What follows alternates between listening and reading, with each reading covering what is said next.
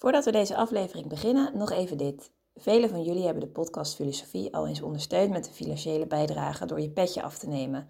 Daar zijn we super blij mee en daarmee draag je ook echt iets bij en maak je onze podcast mede mogelijk.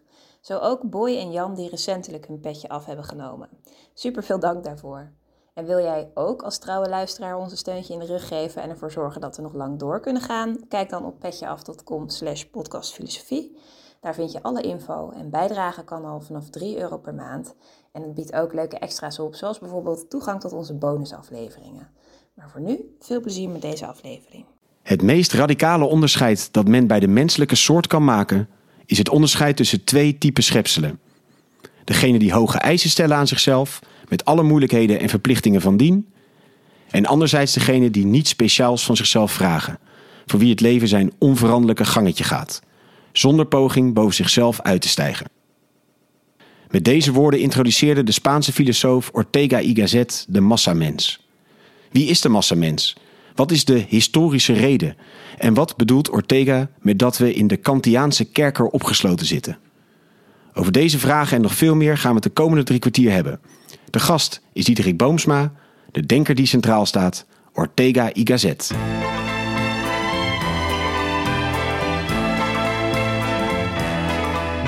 Les docks où le poids et l'ennui me courbent le dos.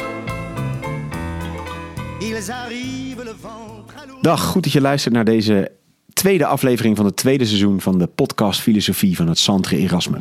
School voor Filosofie in Zuid-Frankrijk, Vlaanderen en Nederland.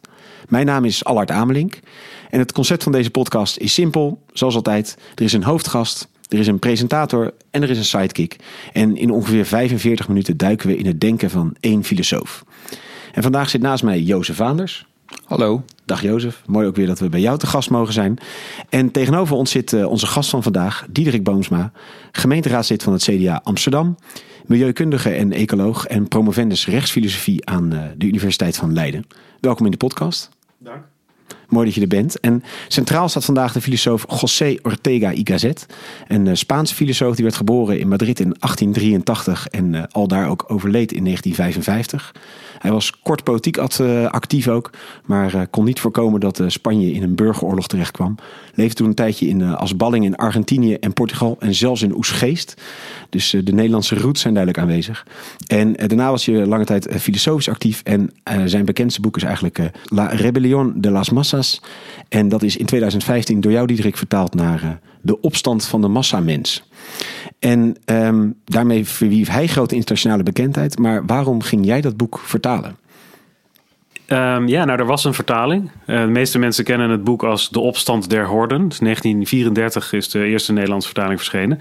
Um, alleen, ik, ik vond dat een geweldig boek. Uh, maar de vertaling is wel gedateerd en ook niet helemaal correct. Dus er was ook een, echt een behoefte, denk ik, aan een nieuwe vertaling. Het is ook een integrale vertaling die je hebt gemaakt. Met, er waren allerlei stukken weggelaten in het oorspronkelijke uh, deel. Uh, en ja, ik heb een enorme fascinatie voor die man, voor deze denker, voor José Ortega y Gasset ontwikkeld sinds ik eigenlijk in aanmerking, uh, aanraking kwam met zijn, uh, met zijn werk. En ik heb in Spanje gestudeerd. En daar al als 18-jarig broekje heb ik hem al een keer in Granada, waar ik toen studeerde, op de, de heuvels van de Sacramonte. Waar vooral veel zigeuners zitten gitaar te spelen. En daar heb ik toen ook Ortega y Gasset ontdekt. En wat lichte lectuur ja, die je daar dan ja. tot je kon nemen. Nou, die lazen dat daar ook. Dus, ja. De zigeuners lazen het. Ja, ja nee, ik heb daar toen, ik, ik, ik kan me nog heel goed herinneren. Toen hoorde ik voor het eerst, die mensen die begonnen daarover. We hebben in Spanje ook een filosoof. Want dat is Spanje natuurlijk niet het land waarbij de meeste mensen denken aan filosofen. Dan denk je aan Duitsers en Fransen. Maar ja, Spanje heeft dus deze, José Ortega y Gasset. Uh, een fascinerend uh, uh, iemand. En ja, het is ook uh, ongelooflijke ontdekking, om, omdat het zo mooi en geschreven is, zo rijk. Het beslaat ook zo verschrikkelijk veel thema's. En uh, ja, zo, zodoende. Het is ook zo dat um, uiteindelijk uh, ik, mij werd gevraagd om een, hoofdstuk te schrijven over 20e eeuwse denkers. En mensen wisten dat ik in Spanje had gestudeerd, dus ik Spaans kan. Toen zeiden ze, kan jij dan niet over Ortega y Gasset gaan? Ja, oké, doe ik dat. Toen heb ik dat geschreven, ben ik nog veel meer erin gedoken. En uh, ja, zodoende is het alleen maar duidelijker geworden. En op een gegeven moment ben ik gevraagd ook door uh, Frits Bolkestein. Die sprak een keer en die zei van... kan jij niet een nieuwe vertaling maken? Want ik vind die bestaande vertaling niet goed. Nou, toen heb ik dat ook maar gedaan. Die handschoen opgepakt. Ja. Hey, en wat is zo uh, intrigerend aan het denken van Ortega, om maar even kort te houden. Eh, ja, eh, eh, hoe lang hebben we ook weer? Ja, Nou, drie Nee, eh, kwartier eh, ongeveer. ja. dus, eh, Nou, ehm, het is eh, volgens mij een van de laatste grote eh, eh, eh, denkers, ook van de 20e eeuw, van die generatie. Dus, dus hij had echt nog ontzettende ambitie om met zijn filosofie eh, eh, concrete verandering ook teweeg te brengen. Dus hij was niet alleen een academisch filosoof, hij wilde echt, ja, als het ware, zijn omstandigheden en ook Spanje vooruit helpen. eh, en een nieuwe manier van denken te ontwikkelen die de hele westerse beschaving kon revitaliseren. Dus het was een enorm ambitieus project. En eigenlijk, ja, je ziet dus dat de afgelopen, nou ja, vanaf de tweede helft van de 20e eeuw is, dat, is die ambitie ook erg afgenomen. Dus eh, hij had echt een grootse visie om, om een, een, enorm vervuld van een enorm verantwoordelijkheidsbesef van wij moeten nu iets nieuws bedenken. Want volgens he- hem was, ja, was, verkeerde de westerse beschaving in crisis. Eh, en dat had, eh, had ook een filosofische oorzaak. Dus de want crisis. welke crisis zag hij? Of wat, wat was het? Ehm, nou ja, eh, ehm, dat heeft, heeft een aantal kenmerken. In de eerste plaats was hij een Spanjaard. En Spanje verkeerde echt in een soort ja, eh, decadentie. Al, al, al een tijd. Want ze hadden die 19e eeuw wel erg instabiel. Allerlei burgeroorlogen. 1898 een oorlog met de Verenigde Staten. Hadden ze hun laatste kolonies verloren. Waaronder het eiland Guam en Cuba en de Filipijnen. En dus men voelde enorm minderwaardigheidscomplex in Spanje. Men dacht, ja, we moeten weer aansluiting vinden bij, de, bij moderne Europa. Bij Frankrijk en Duitsland en, en Engeland. Dat zijn de echte moderne landen. En tegelijkertijd probeerde hij dus om Spanje aan te sluiten bij de moderniteit. En toen kwam hij erachter dat er ook allerlei problematische aspecten zijn in dat moderne denken. En toen kwam hij er ook achter dat ja, de moderne filosofie zelf een bepaalde manier in crisis verkeerde. Eh, dat project van de moderne filosofie eh, was een soort ja, gevangenis geworden. En hij dacht, we moeten daaruit zien te komen om eh, ja, het, het denken opnieuw te revitaliseren. En Europa moet een nieuwe, ja, eh, moet een nieuwe richting op. Moet, moet een nieuwe, eh, ook een nieuwe, ja, moet als het ware een nieuwe richting inslaan.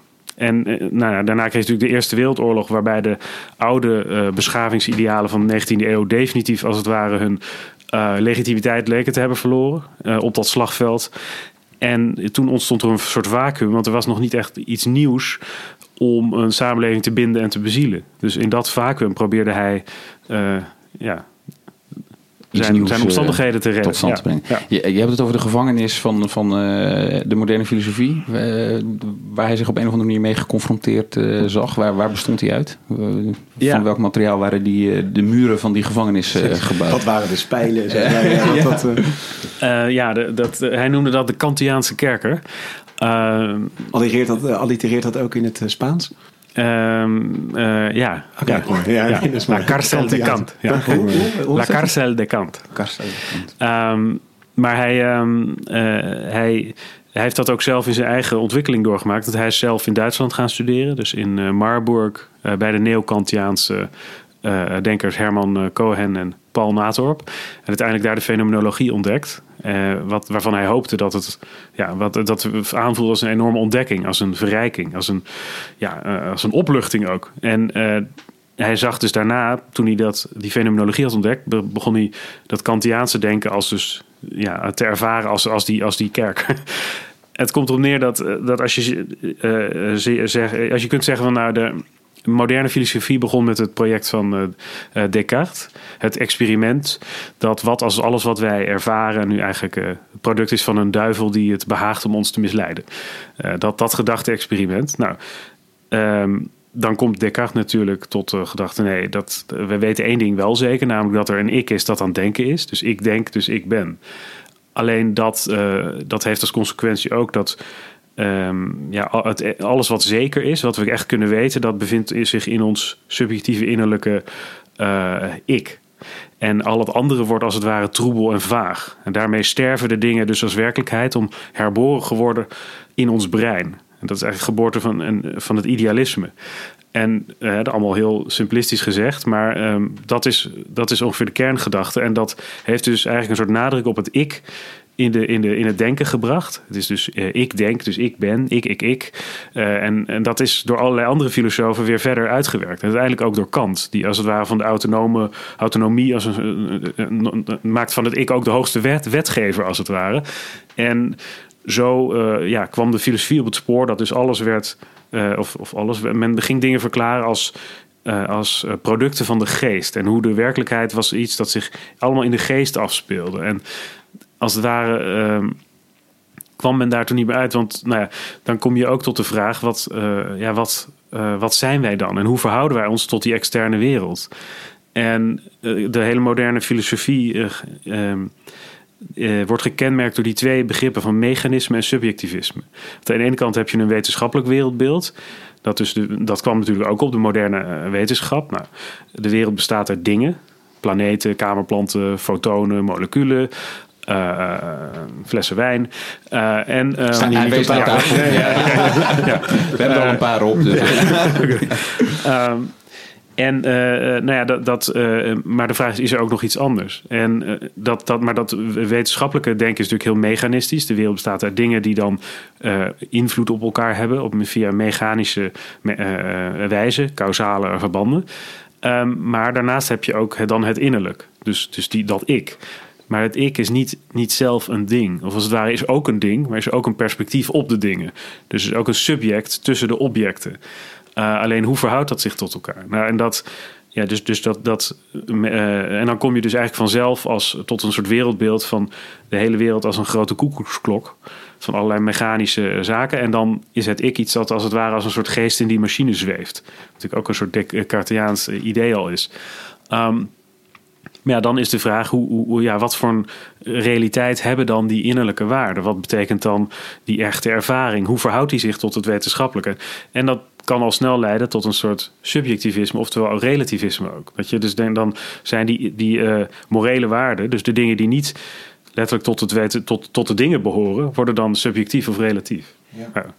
Wil hij tussen die twee uitersten van, de, van dat moderne wereldbeeld, dus enerzijds hè, dat, dat, dat mechanische, causale, wetenschappelijke beeld, objectachtige element, en, en anderzijds inderdaad dat subject dat constitutief is voor hè, de, de gehele ervaring, wil hij dat overbruggen? Wil hij een brug tussen die twee slaan? Of, ja, dat is het precies. Ja. ja. Dus hij, hij zegt, uh, nou, de, die Kantiaanse kerker is dat. We zitten in dat ik en je hebt die externe wereld. We weten eigenlijk niet hoe we eruit moeten komen. Uh, en we, hij probeert eruit ja, want te dat, sorry, want dat kerker-element is eigenlijk dan de hele wereld is dat mechanische en ik zit opgesloten in mijn ik. Of, of ja, en, in en subjectiviteit. Of, wat is dit kerker-element, zeg maar? Uh, nou, een onderdeel daarvan is ook van hoe kun je nou weten? Hoe kun je nou echt kennis verkrijgen over dingen die uh, niet in, tot die wetenschappelijke wereld behoren? ja, en moet je daar dan relativistisch tegenover zijn? Of kun je daar toch. Ja, en dat is dus de, de, het, het, grote dilemma is, uh, hij zegt ook op een gegeven moment dat de grootste taak is van de filosoof is om het filosofische idealisme te overwinnen. Dat uh, is dat het moderne, de moderne filosofie als project uiteindelijk uitmondt in een keuze, dat het dwingt tot, tot een keuze tussen rationalisme en relativisme. Nou, relativisme is, is uiteindelijk uh, filosofische harakiri. Want het leidt tot skepsis. en dus het is. Uh, ja, Zelfmoord dan moet je ook gaan betwijfelen. Uh, uh, dan moet je eigenlijk alles gaan betwijfelen. Dus dan heeft het helemaal geen zin meer. En het rationalisme heeft dus. Ja, dat is een puur wetenschappelijke manier van denken. die eigenlijk onrecht doet aan de individuele mens en zijn ervaring. Aan dat hele concept van de levenswereld. Dus, en, en het, de uitdaging is inderdaad om een filosofie te bedenken. die dat als het ware weer bij elkaar kan brengen. Waarbij je dus kan weer ziet dat ja, de de, de, een, een manier van denken ontwikkelen. waarbij de concrete levenswereld van mensen weer centraal staan. En daar ook wel, het, dat je daar ook wel tot kennis kunt komen. En uh, dat tot echt objectieve kennis. En dat is een project dat hij dan is aangegaan. En tegenover dat uh, ik denk dus ik ben, plaatst hij dan uiteindelijk van nee. het ik kan alleen bestaan in verhouding tot anderen en tot de omstandigheden. Dus, dus uh, uh, je bent altijd een relatie tot. Je hebt, het, leven is geen existentie, is altijd co-existentie met allerlei dingen. En de centrale samenvatting van zijn eigen filosofie, dat schreef hij in zijn eerste boek, um, Reflexiones del Quijote. Dat gaat ook over Don Quixote. Die zat ook een beetje dat, opgesloten in de kerker van het ik. Hè? Uh, absoluut. Als je het verhaal uh, ja, zeker. volgt. Ja, ja. ja, daar zit een enorm... En die streed ook dan tegen die moderniteit. Die, die windmolens als het ware vanuit een soort romantisch... Nou, daar, daar kun je allemaal parallellen inderdaad op loslaten. Tegenover die praktische Sancho Panza. Maar daarin schreef hij al... Ja, die kernboodschap. Ik ben ik en mijn omstandigheden. Uh, en uh, ik moet ook mijn omstandigheden redden, anders red ik mezelf niet. Dus je wil eigenlijk het hele denken weer terugbrengen weg. Alleen niet, niet alleen dat ik, maar de coexistentie. Dus het, het leven. We zijn uiteindelijk is het menselijk bestaan, dat is leven. omgaan met je omstandigheden. En dat, eh, dus niet ik, ben, ik denk dus ik ben, maar ik, eh, ja, ik leef. Ja, ja precies. Ja. Ja. Dus er is ook wel echt, echt een, een, een, een, ook wel een existentieel element in. Daar, daar voel ik toch ook wel een zekere verwantschap. Hè? Dus een, Absoluut. in ieder Ja. geval een, een doorleefde ervaringsgevoel dat... eh, Niet alleen iets theoretisch en buiten, maar Absoluut, ja. Ja. Ja, nee, het is een, eh, heel duidelijk ook, maar dus wel, ehm, het is al eerder dan de latere existentialisten. Ik vind het ook veel interessanter dan die, dan die latere Franse existentialisten. Wat meer zoals van, Camus en Sartre bijvoorbeeld. Ja, uh, l'homme est une passion inutile. Het is allemaal een beetje negatief ook. Voor Ortega had meer een soort heroïsch ex- existentialisme. Want het leven is ook een, een uitdaging. Het is een onderneming. We worden in deze chaos van omstandigheden geworpen. En onze taak is inderdaad om je daartoe te verhouden. En, en dat is een, ja, een heroïsche onderneming. Je moet als het ware een orde scheppen in die chaos. En, je moet, en dat is ook de rol van cultuur en filosofie. Dat zijn dus hele vitale uh, activiteiten ook. Want hoe gaat hij nou er maar mee verder, Naat? Want hij, hij, hij, probeert die brug te slaan Naat, eigenlijk tussen die mechanische buitenwereld en die kerker waar je zelf in zit. Uh, dus de, de Kantiaanse kerker. Hij probeert daar dus een, een, pad doorheen te vinden. Hij zegt, nou, dat is ik en de omgeving. Dat zijn twee dingen die, die we samen maken, zeg maar. Maar wat, hoe werkt hij dat uit? Hoe gaat hij daarin verder? Uh, ja, daarin zie je een bepaalde ontwikkeling. En op een gegeven moment uh, uh, probeert hij dus een andere manier, een andere reden te ontwikkelen. Want je hebt, je hebt dus de, het rationalisme van, van, de, van de moderne filosofie. En hij wil een nieuwe vorm van een nieuwe reden, een nieuwe filosofie ontwikkelen, die dus dichter bij de mens zelf staat. En hij noemt dat op een gegeven moment ja, de, de vitale reden en ook wel de historische reden. Um, omdat het historische leven, het, men, het leven, menselijk leven is ook uh, geschiedenis. Ze zegt op een gegeven moment ook, het is... Klinkt als deeltij ook. Dus dat is zeker, zeer sterk ja. beïnvloed door deeltij. Ja. Het, het, leven is geen, geen biologie, het is een biografie. Want uh, en dat, dat onderscheidt ons ook als mensen van, uh, van de dingen en van dieren. Dus um, wij maken keuzes en daardoor bouwen we geschiedenis op. Hij zegt op een gegeven moment zelfs dus dat mensen heeft geen natuur, maar geschiedenis. Want een steen uh, is gewoon is wat het is. Het is een steen in het veld. Het heeft bepaalde fysische kenmerken en dat bepaalt wat het is. Maar mensen die, ja, die, die nemen keuzes, maken keuzes. En daarmee bouwen ze dus een geschiedenis op. En dat geldt ook voor dieren. En het waar dus een, een chimpansee, zelfs een chimpansee, is als het ware ja, min of meer dezelfde elke dag. Maar wij ja, hebben echt een geschiedenis en ook een cultuur, omdat we die geschiedenis dus ook van generatie op generatie doorgeven. En dat betekent ook dat, ja, dat je dus voortdurend gedwongen bent tot het maken van keuzes. En in die zin is het ook existentialisme. Dus, dus, en, en dat, ja, het kan ook helemaal misgaan. Dus hè, hij schrijft ook op een gegeven moment dat een tijger, die hoeft zich nooit zeker zorgen te maken dat hij zijn tijgelijkheid verliest. Maar mensen ja. moeten voor zich voortdurend zorgen maken dat ze hun menselijkheid uh, verliezen. En je noemt net dat, dat, dat uh, Ortega komt dus dan met uh, de historische reden als contrast met die moderne reden. Wat, is het verschil tussen die twee vormen? Nou, dit dus dat um, uh, de reden als een, in, in, zeg maar in wiskundige zin is, is, is altijd hetzelfde. Dus het is een, het is, zoals de wiskunde, zeg maar, het is gewoon op een bepaalde manier. Uh, ja, en, uh, en dat is een hele bevorderlijke manier van denken. Want dat is natuurlijk wel een element van, van, van de kosmos, dat, dat, uh, ja, dat rationele. Alleen is voor de wiskunde, wiskunde werkt het heel goed. Alleen het is niet de beste manier om, om allerlei menselijke zaken te begrijpen. En, of om het leven als zinvol te ervaren. En dus omdat bij mensen, ja, heeft het, het menselijk bestaan heeft zo'n fundamenteel andere dimensie dan, uh, ja, dan, dat, dan dat type rationalisme kan verklaren. Ja. Dat, ja. Het, het, klinkt inderdaad ook wel alsof die, die beide uitersten waar hij tussendoor probeert te laveren. Het is niet dat hij een van beide echt radicaal overboord zet. Het is meer, zo, hè, maar meer dat hij. Dus nog dat subjectivisme, nog dat. Precies, want die innerlijke uh, beleving die zit er echt nog wel in en die doorleeft. Ja. En dat, dat, dat subjectieve impuls die, die, die blijft ergens wel overeind. Hè. En toch gaat het dus ook om, om die brug naar die buitenwereld te vinden. Die dan op een bepaalde misschien manier weer alleen mechanisch te verklaren is, maar dat is dan onvoldoende. Dus daar zoekt hij dan in, in ja. die relatie toch ook weer een ander type verhouding mee. Maar het is niet alsof hij een van beide polen echt helemaal nee, overboord nee, gooit. En probeert voortdurend een soort synthese te bedenken die allebei die. Uh, allebei die aspecten van, uh, van, het, ja, van het zijn uh, recht doet. Hij heeft ook een, dat, een, een bepaalde manier een soort perspectivisme ontwikkeld, wordt er ook wel eens genoemd. Dus die probeert te verklaren dat het perspectief van de mens is, een, is, is dus een onderdeel van, het, uh, van de werkelijkheid. Dus een organiserend principe in de werkelijkheid. Uh, en dat is, ja, ik denk dat, dat er ook veel in zit. Als je dus allerlei mensen in een, in een eh, ja, in, op, op een plein of in een bos zet, dan hebben ze allemaal een bepaald perspectief. Je kunt niet zeggen dat de ene een beter perspectief heeft, of een, ja, is misschien wel de ene ziet wat meer dan, maar in ieder geval die perspectieven hebben allemaal een bepaalde ja, realiteit. En, en, en ja, dus het is, uh, maar het gaat dus nog verder, eigenlijk omdat het een heel, de hele, het hele, de hele werkelijkheid voor ons om die te begrijpen, heeft altijd dat element van perspectief in zich. En is dat dan dat historische element van die reden ook? Dat je de, de, het een soort uh, optelsom is van de eeuwen of zoiets. Dat je, je moet ja. historisch perspectief meenemen of zoiets. Of wat? Ja, en, en omdat het menselijk leven is dus uh, omstandigheden. En onze omstandigheden zijn historisch gegroeid. En zo, dat is ook een fundamenteel beginsel voor de politiek.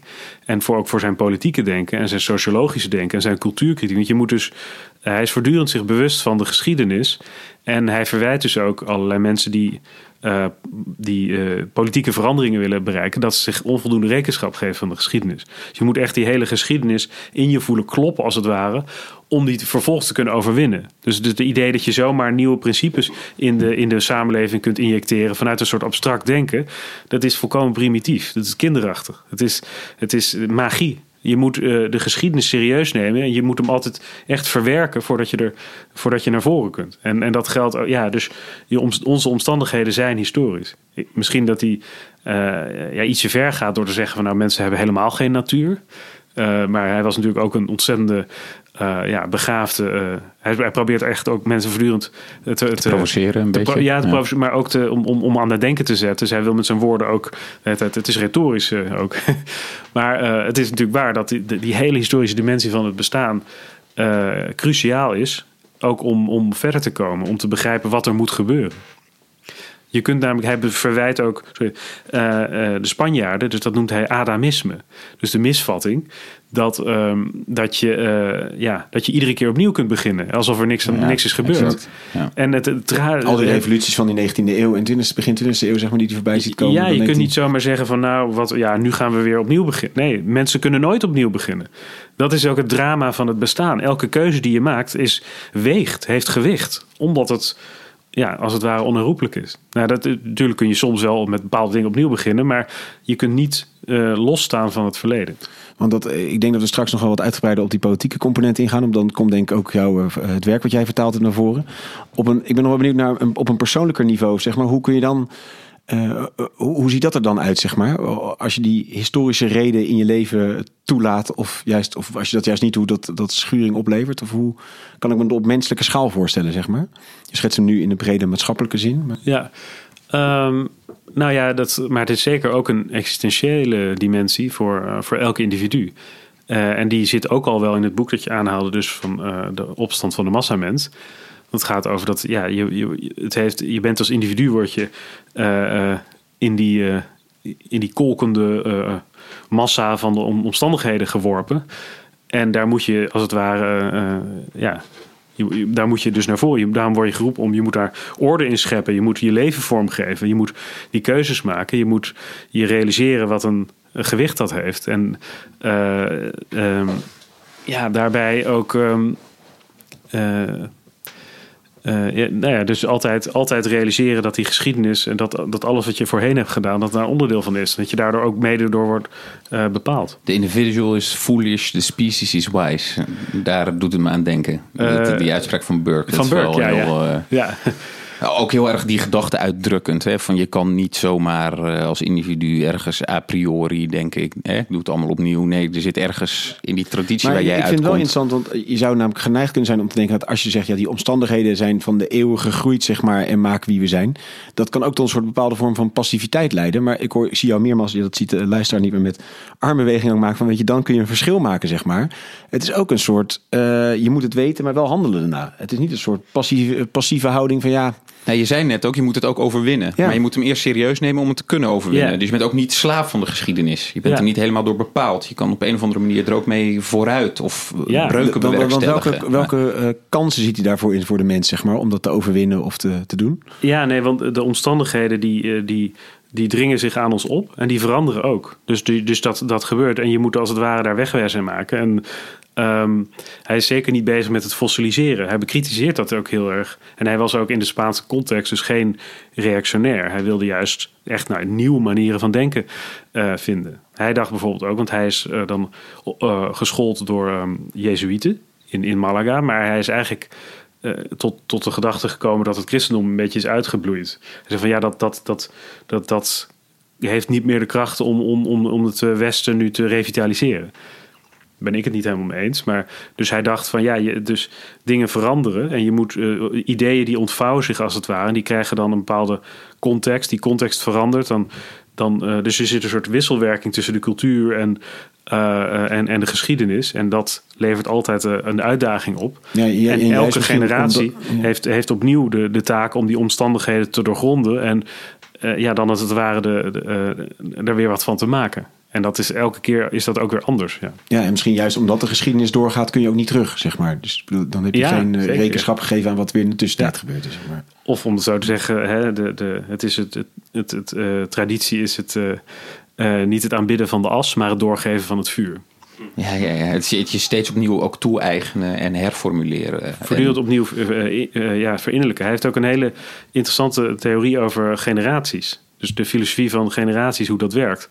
Omdat je dus bij uh, ja, uh, um, bepaalde ideeën die, um, die komen op. En die beginnen dan invloed uit te oefenen op de, in de uh, ideeënwereld van mensen en in hun denken. Um, en dat, maar die zitten dan, vallen dan in een bepaalde context. En in een volgende generatie die krijgt dan die ideeën overgeleverd, maar in een nieuwe context. Dus dan verandert het ook weer. Wat je nu ook bijvoorbeeld ziet in de jaren 60 had je natuurlijk bepaalde ideeën die in de jaren 60 opkwamen. En die, uh, maar de mensen die daar die ideeën aan, uh, aanvankelijk omarmden, waren zelf nog weer opgegroeid met een, met een ander soort gedachtegoed. Die waren zelf zeg maar in de jaren 50 opgegroeid. Dus die ideeën kregen, hadden een heel andere betekenis dan voor de generatie die daarna kwam. Die dus, ja, voor wie die ideeën dan uh, in een hele andere context weer vallen. En daarom zegt men ook wel dat de revolutie altijd een generatie overslaat. En dat, dat zie je ook in, in de idealen van de Franse revolutie. Dat, dat idee van gelijkheid, dat wordt uitgeroepen.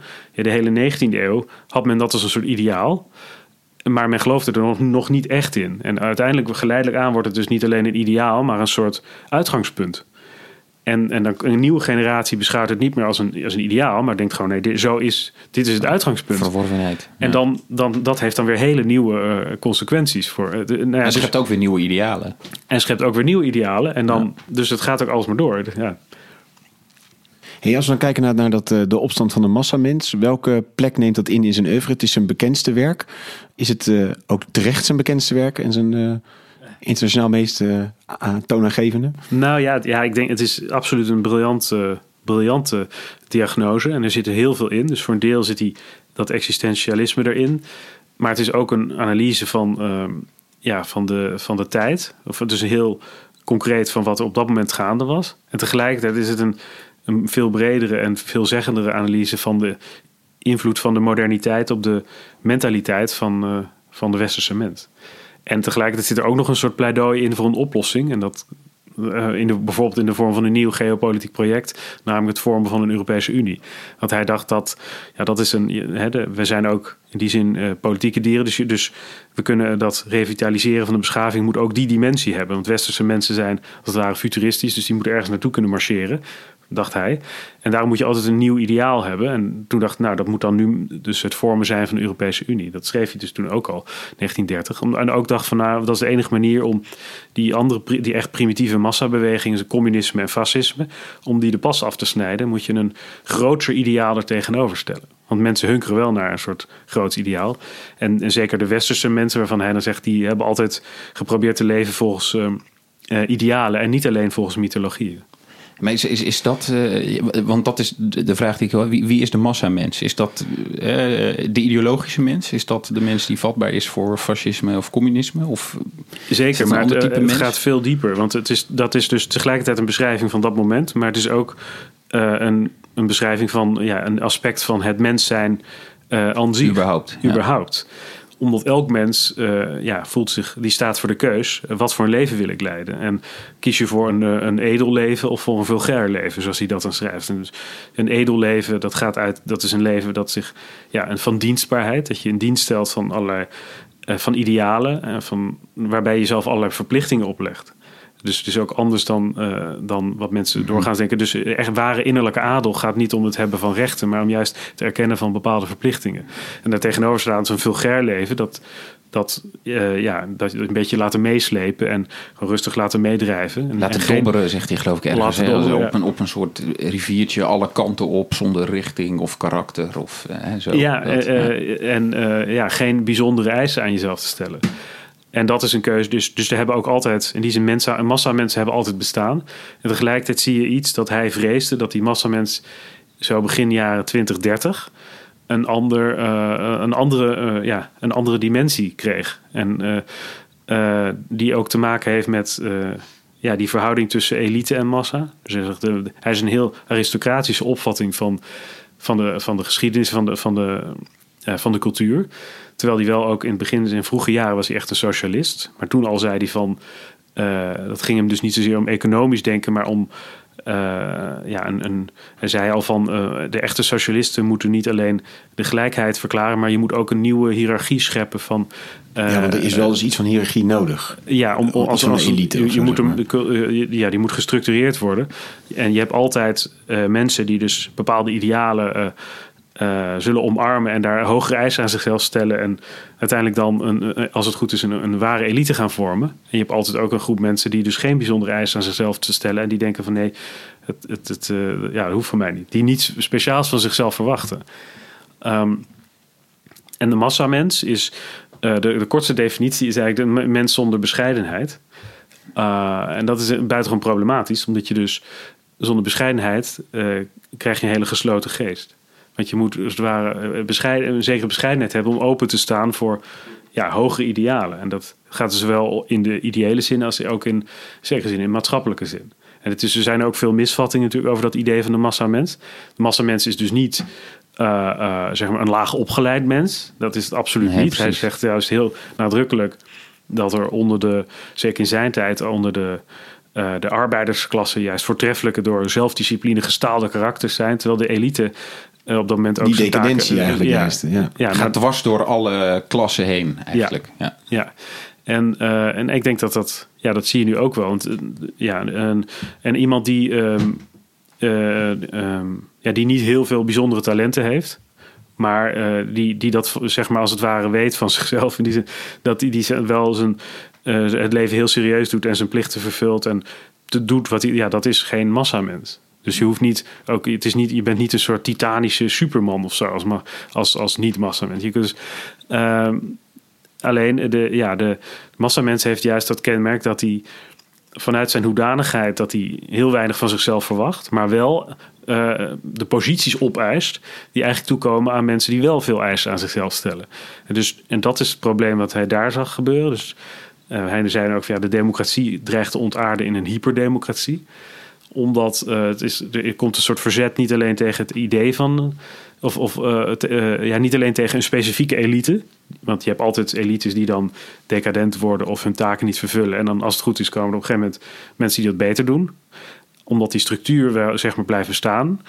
Maar het is het verzet tegen het hele idee ervan, van zo'n elite. En ehm, Tegen, tegen welk idee? Tegen het idee van de de elite idee van een elite. Ja, Ja. exact. Dus ja. de, de massamens die heeft, ja, je zou kunnen zeggen, drie, drie kenmerken. Dus hij, hij, heeft, ehm, eh, hij is op een een bepaalde manier zelfgenoegzaam. Want hij vindt zichzelf al wel prima. Ja, en de maat van alle dingen waarschijnlijk. Ja, en hij, ehm, eh, ja, hij wil zich dus zelf niet, eh, zichzelf niet, niet minder voelen of op, op welk vlak dan ook. En hij denkt daarna vervolgens dat hij eh, die, eh, ja, die on, onderontwikkelde zeg maar, wensen of eh, ja, die on- onkritische eh, geest van zichzelf wil hij ook, als het ware, wil hij meteen opgelegd zien aan anderen. Eh, dus in intellectuele zin bijvoorbeeld ben je een massamens als je wat natuurlijk bij heel veel mensen ten dele ook allemaal zijn. Het zijn ide ideaaltypes. Je kunt het niet van iedereen zeggen, nou jij bent een massamens en jij niet. Nee, die zit natuurlijk in ons allemaal voor een deel. Maar Maar we kijken nu even de tafel rond. Iedereen kijkt zeer bescheiden eh, Nee, in, in, dus in intellectuele zin, als je, ehm, je hebt alle ideeën die rondzweven en eh, die dan eh, zeg maar je hoofd inwaaien en die je dan meteen kritiekloos weer, weer, weer eh, naar buiten gooit. Zonder dat je ze zelf kritisch hebt onderzocht. Dan ben je in die zin eh, op dat intellectuele vlak een, een massamens. Maar, maar je had het over drie eigenschappen. Dus uh, onbescheiden. Hij vindt, zichzelf, of, hij vindt zichzelf wel tevreden met zichzelf. Onbescheiden. Ja. En de derde is dat hij dat dan ook van anderen verlangt? Of dus dat uh, iets... Nou ja, en, ja, dus hij heeft een bepaalde meer die... Hij vindt zichzelf wel prima. Een soort zelfgenoegzaamheid. En dat geeft hem dan een gesloten geest. Dat maakt hem ook dan uh, wars van uh, ja, hogere. Dus dat. dat uh, idealen. idealen van, en, en, ja. dan, en ten derde wil hij dan vervolgens dat ook. Het irriteert hem als mensen daarmee. Als hij daarmee geconfronteerd wordt. En dan wil hij dat. als het ware gaan verpletteren. Dus, dus dat het irriteert soort... hem als hij mensen die geen massamens zijn. Die op een of andere manier ja. hier geen genoegen meenemen. Wel zelfverplichting of bepaalde idealen nastreven. dat irriteert hem. En, en daar wil hij dan, dat wil hij egaliseren. Van, ja. Want ja. heel veel dingen zijn, zijn uiteindelijk. Um, uh, ja, en hij noemt, die, daarom gaat de massa mensen over tot wat hij noemt directe actie. Want heel veel dingen zijn eigenlijk. Uh, juist Vlieg je je hoofd in en je voert het gelijk uit, zeg maar. Ja, je, en je, ja, um, ja, uh, je onmiddellijke behoeftebevrediging, zeg maar, dat idee ook van. Ja, en heel veel dingen zijn van de beschaving zijn, leggen juist een soort buffer tussen je verlangens en je begeertes en je ideeën. En uiteindelijk, uh, ja, dat is het idee van samenleven, is dat er bepaalde buffers zijn. Dus ook zelfs, ja, gewoon um, uh, uh, bepaalde, bepaalde gewoontes, eetgewoontes. Dus dat je niet één keer alles naar binnen, naar, naar, naar, naar binnen ramt, maar dat je, ja, dus de, ja, dat, heel veel van de beschaving gaat uiteindelijk om, um, moet je, bijna alles legt een bepaalde claim op ons en, en uh, ja, vraagt ons om, om, ons daarbij neer te leggen. Nou, en die geest van die massamensen, die gaat, als die dus vrij spel krijgt, vrij spel krijgt ja, dan breekt hij de beschaving af. Eigenlijk. Ja. ja.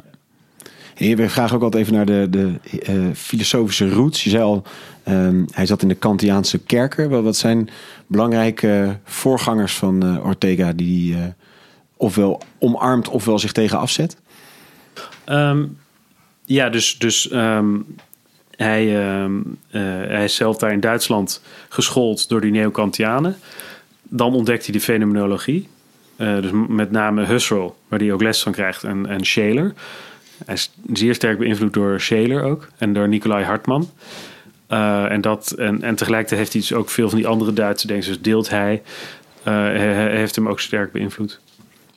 En hoe zie je vervolgens dat zijn receptie gaat? Want hij wordt vervolgens, je zegt al, hij is eigenlijk de meest uh, interessante existentiële denker. Wordt hij ook door de rest van het existentialisme gezien als een proto-existentialist of, of de founding father? Als een medestrijder? Of een medestrijder alleen al? Nou, hij zei, nee, dat is het, een beetje de tragiek ook. Hij is uh, min of meer vergeten na de, uh, of ja, vergeten nu. Hij is nu veel minder bekend. Mensen, heel, de meeste mensen weten niet waar je het over hebt.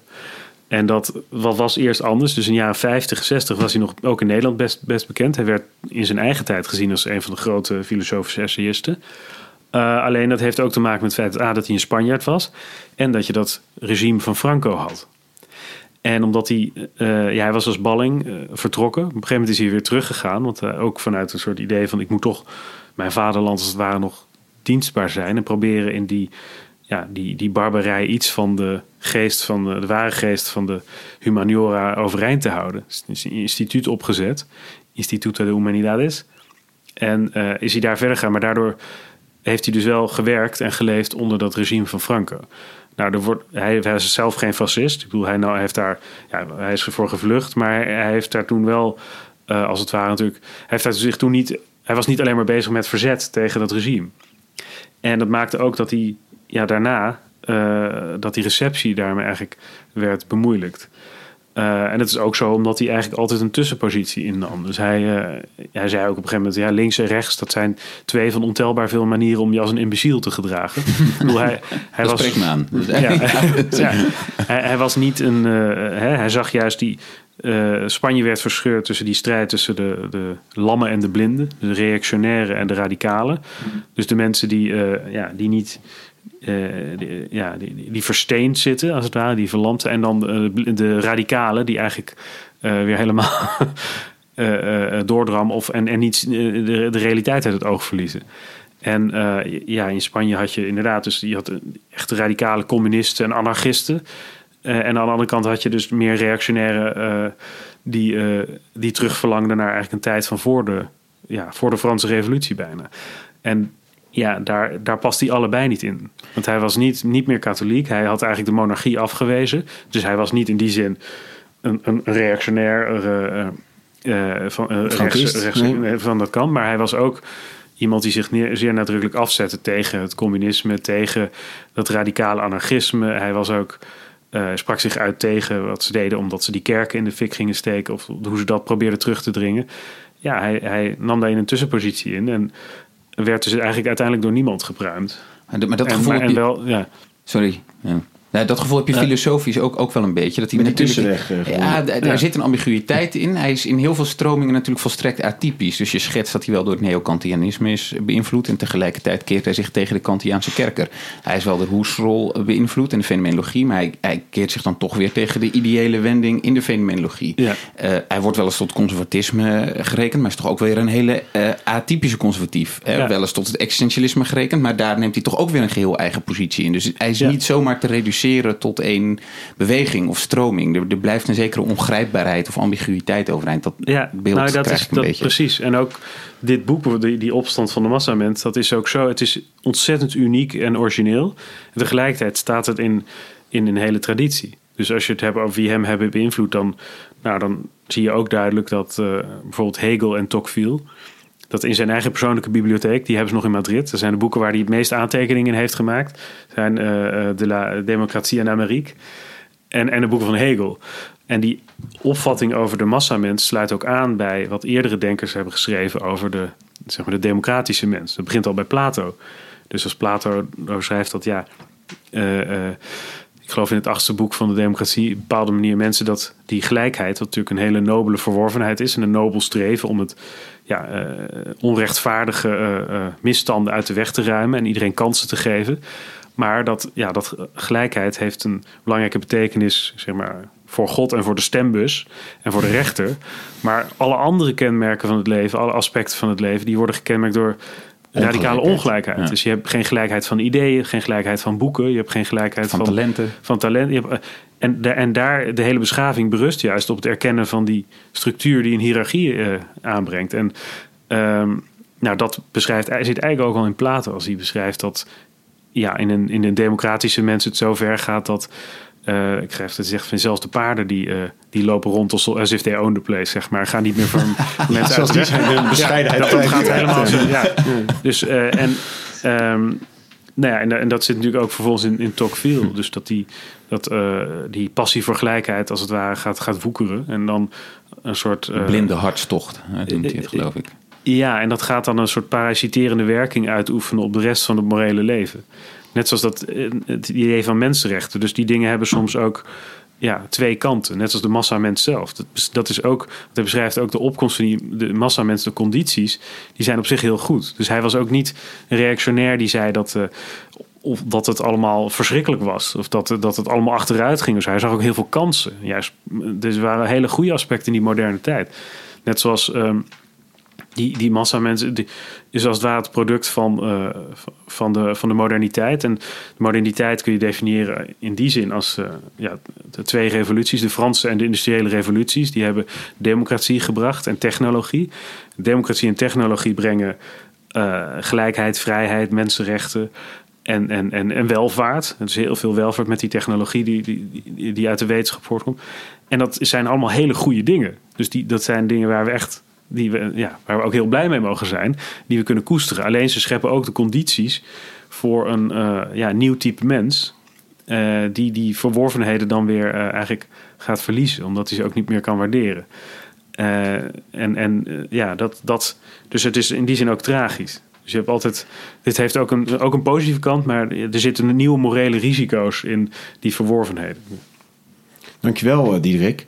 En normaal vragen we ook altijd nog heel erg de link naar de actualiteit. Maar nou, ja, ik, één, één vraag die brandt me toch nog wel op de lippen. Ik hoor hem wel heel vaak doorheen zingen, maar oké, okay, ga je gang. Uh, uh, uh, nou ja, als in, in hoever, hij heeft een enorm ambitieus project. In, in hoeverre is hij erin geslaagd? Volgens hemzelf, volgens jou, om, om die revitalisering en de overwinning ja. van die massa mensen op een of andere manier vorm te geven? Dat is een hele goede vraag. Ik denk dat. Um, de overwinning op de massa mens. Ja, niet van. Ja. Ja, Kijk, uh, aan de ene kant moeten we constateren dat uh, hij schrijft dit, die essays geschreven over de massa mensen in 1929. En hij kon dus niet verhinderen dat Spanje afgleed in die donkere nacht van de burgeroorlog. Zes, zeven jaar later. En ook dat het, dat, dat het fascisme en het communisme natuurlijk gruwelijke dictaturen hebben gevestigd. En dat waren ook als het ware overwinningen van een, een type massamens. Uh, dus ja, in die zin was het niet uh, succesvol. Alleen tegelijkertijd, uh, ja, ik bedoel, we hebben nu natuurlijk nog, nog steeds.